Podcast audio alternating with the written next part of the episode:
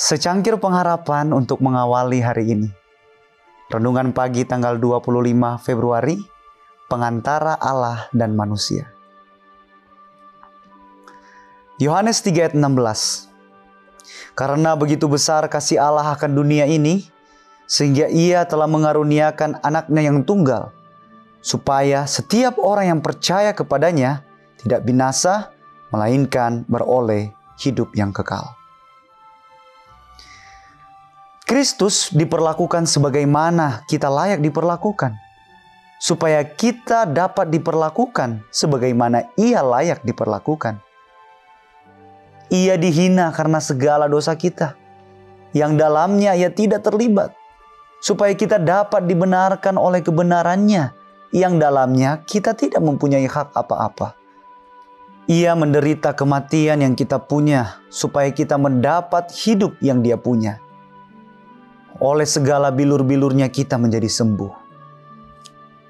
Oleh kehidupan dan kematiannya, Kristus telah memperoleh jauh melebihi pemulihan dari kebinasaan yang terjadi oleh dosa. Adalah maksud setan untuk mengadakan perpisahan yang kekal antara Allah dan umat manusia. Akan tetapi dalam Kristus, kita dihubungkan lebih rapat lagi dengan Allah daripada sekiranya kita tidak pernah berdosa. Dalam mengambil sifat-sifat kita, Juru Selamat telah mengikatkan dirinya kepada manusia dengan ikatan kasih yang tidak akan pernah putus. Sepanjang zaman yang kekal, ia dihubungkan dengan kita.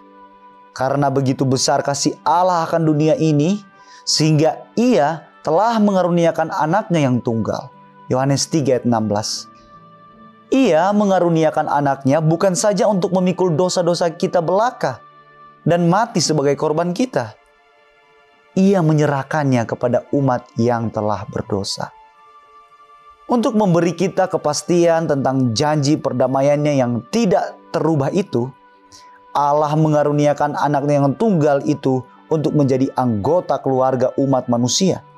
Untuk selama-lamanya memiliki sifat kemanusiaannya Inilah ikrar yang menunjukkan bahwa Allah pasti akan menepati janjinya.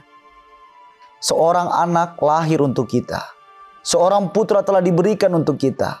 Lambang pemerintahan ada di atas bahunya. Allah telah memakai sifat kemanusiaan dalam diri anaknya dan telah membawa sifat itu ke langit yang tertinggi.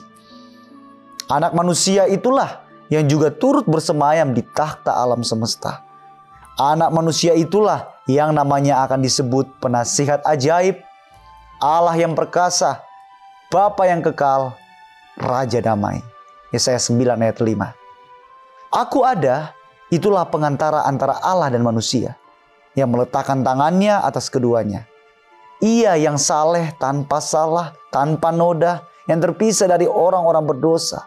Itulah sebabnya ia tidak malu menyebut mereka saudara Ibrani 7 ayat 26 dan Ibrani 2 ayat 11. Dalam Kristus keluarga yang di bumi dan yang di surga dipersatukan. Kristus yang dipermuliakan itu adalah saudara kita. Surga diabadikan dalam manusia dan manusia dirangkul mesra dalam dada kasih yang tidak terduga.